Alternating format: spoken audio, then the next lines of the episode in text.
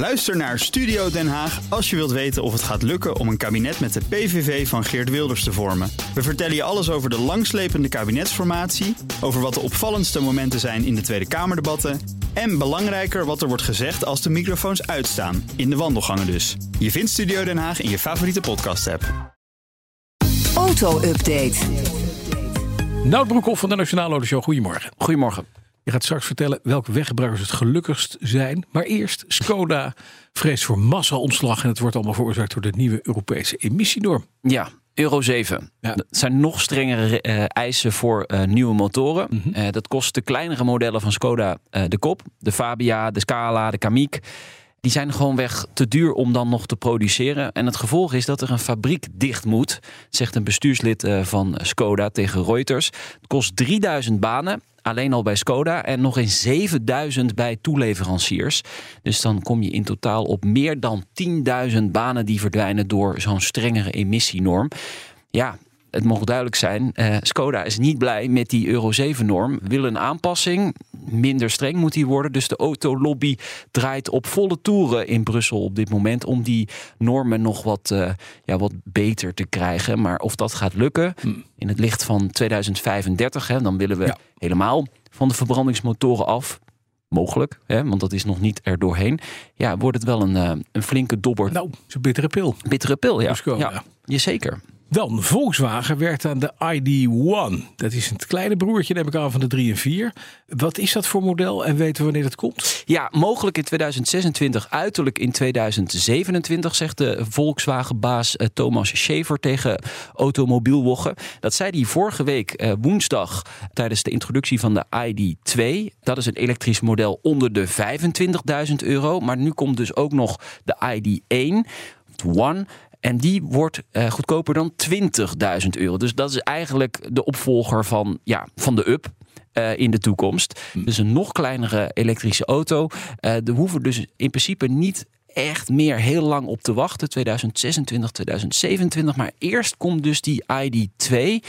En die wordt dus nog goedkoper dan 25.000 euro. Dus Volkswagen gaat echt wel instappen. Ja. elektrische autootjes. Er komen echt instapmodellen nu aan. Eh, het is nog even een paar jaar wachten, maar eh, ook weer niet al te lang. Oké. Dan komt Mercedes met een model onder de iconische G-klasse. En de G-klasse, voor de mensen die dat niet kennen, is eigenlijk een beetje de Jeep, eh, de oer-SUV van Ja. Mercedes. Vierkant, groot en meestal met hele grote 5 liter motoren, verkeerde meneren en te grote wielen. Dat. Nou, helemaal goed omschreven. Ehm, het Britse autocar meldt dat de G-klasse een, sublabel wordt. Je hebt de grote G-klasse, daaronder dus een Baby G komt. Een instapmodel voor het luxe segment. Dus ja, een, een, ze gaan eigenlijk min of meer het G-klasse label opzetten. En, en daar dus, net zoals AMG en als Maybach, een model onder plaatsen. Ja, een, een beetje uitmelken is het wel. Ja, maar ik denk dat er op zich ook wel weer vraag eh, voor is.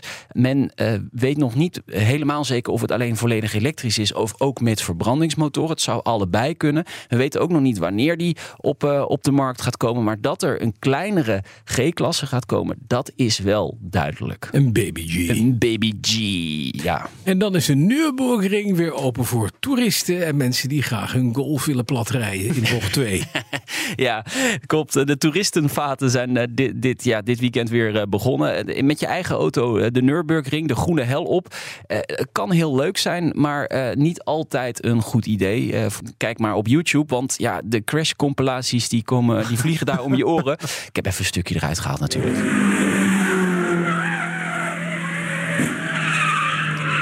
Ja, weer een golf. Weer een Mercedes.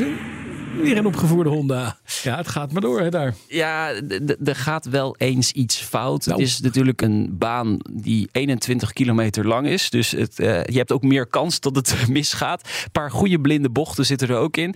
Dus, eh, het kost ehm, eh, van maandag tot en met vrijdag 30 euro om je auto af te schrijven op de Nürburgring. Ja, want je bent niet verzekerd. Hè? Voor, de, voor nou- de wet, zodra je de Nürburgring oprijdt, ben je niet meer verzekerd. Nou ja, nee. Eh, maar waarschijnlijk worden er in Duitsland wel e- eh, extra verzekeringen aangesmeerd. Eh, dat is natuurlijk een hele handel, een hele business geworden. In het weekend kost het 35 euro. Wil je een heel jaar lang de Nürburgring op? Dat kan Meer ook. kans om je auto te crashen. Nog meer kans om je auto te crashen. 3000 euro ben je dan, eh, ben je dan kwijt. Ja, voor Ik- een heel jaar. Als je nou echt iemand haat, geef je hem dat cadeau. Wil je van je auto afgaan naar de Nürburgring? De gelukkigste weggebruikers van Nederland zijn... Dat weten jullie al lang. Dat zijn motorrijders. Eh, ze eh, waarderen hun geluk met een eh, 8,3 blijkt uit onderzoek in opdracht van de rijvereniging. Ja, ik praat hier met twee mensen die een motorrijbewijs hebben. Dus jullie kunnen dat het beste inschatten. Ik heb hem weggedaan. Ik vond het niet leuk genoeg. De motor heb je weg. Ik werd er niet gelukkig Je van. was, wel, je was wel doodgelukkig. Ja. Maar ik snap het wel. Lekker in de buitenlucht. Minder last van drukte in het verkeer. Je kunt makkelijk je motor ergens neerzetten. Het verschil met eh, plek 2 is eigenlijk helemaal niet zo groot. Dat zijn gebruikers van e-bikes. Die eh, geven een geluk een 8,2. En automobilisten een 8,1. Dus het zit wel heel erg dicht bij elkaar. En onderaan, onderaan. Onderaan zetten eh, mensen die met het OV reizen. ja, het zijn natuurlijk ook geen weggebruikers natuurlijk. Want die zitten in een, in een Dus, trein ja. of een bus of een I eh, metro. rest my case. Die geven hun geluk een, eh, een 7,1. Dus het, het- toch het is nog, een toch nog. ruime voldoende, toch? Best Ja. gelukkig. Maar je zie je, als je er in zo'n trein staat, ik ben er nooit ingestapt, maar als je het van buiten ziet, mensen niet echt gelukkig kijken. Nee. Nee. Zoals je mij ziet rijden in mijn oude autootje, denk je, ja, dat, hij lag erbij. Ja, maar je hoort wel. Ja, 9,4 hoor wel. trein kun je wel werken. Ja, dat, eh, dat, Maar er is een tijd voor werken en er is een tijd voor ontspannen. Dat Dat is. Broekhoff, tijd voor ontspannen. Want je bent er een paar dagen tussenuit. Dus we spreken elkaar volgende week maandag pas weer. Ja, Meindert vervangt je. Meindert komt eh, woensdag en vrijdag. Met de pas. auto weg? Sorry? Weg nee, met de auto? nee, nee, ik ga met, met vliegtuig. Oh, Oh. Praag. Jij komt zongebruik. Praag met het vliegtuig. Ja. Oh, Oh, heel slecht voor het milieu. weet ik, maar ik word er wel gelukkig van. De auto-update wordt mede mogelijk gemaakt door Leaseplan. Leaseplan. What's next?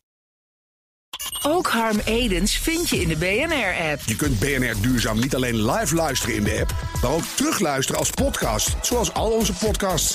En naast dat de BNR-app Breaking News meldt, houden we je ook op de hoogte van het laatste zakelijke nieuws. Download nu de gratis BNR-app en blijf scherp.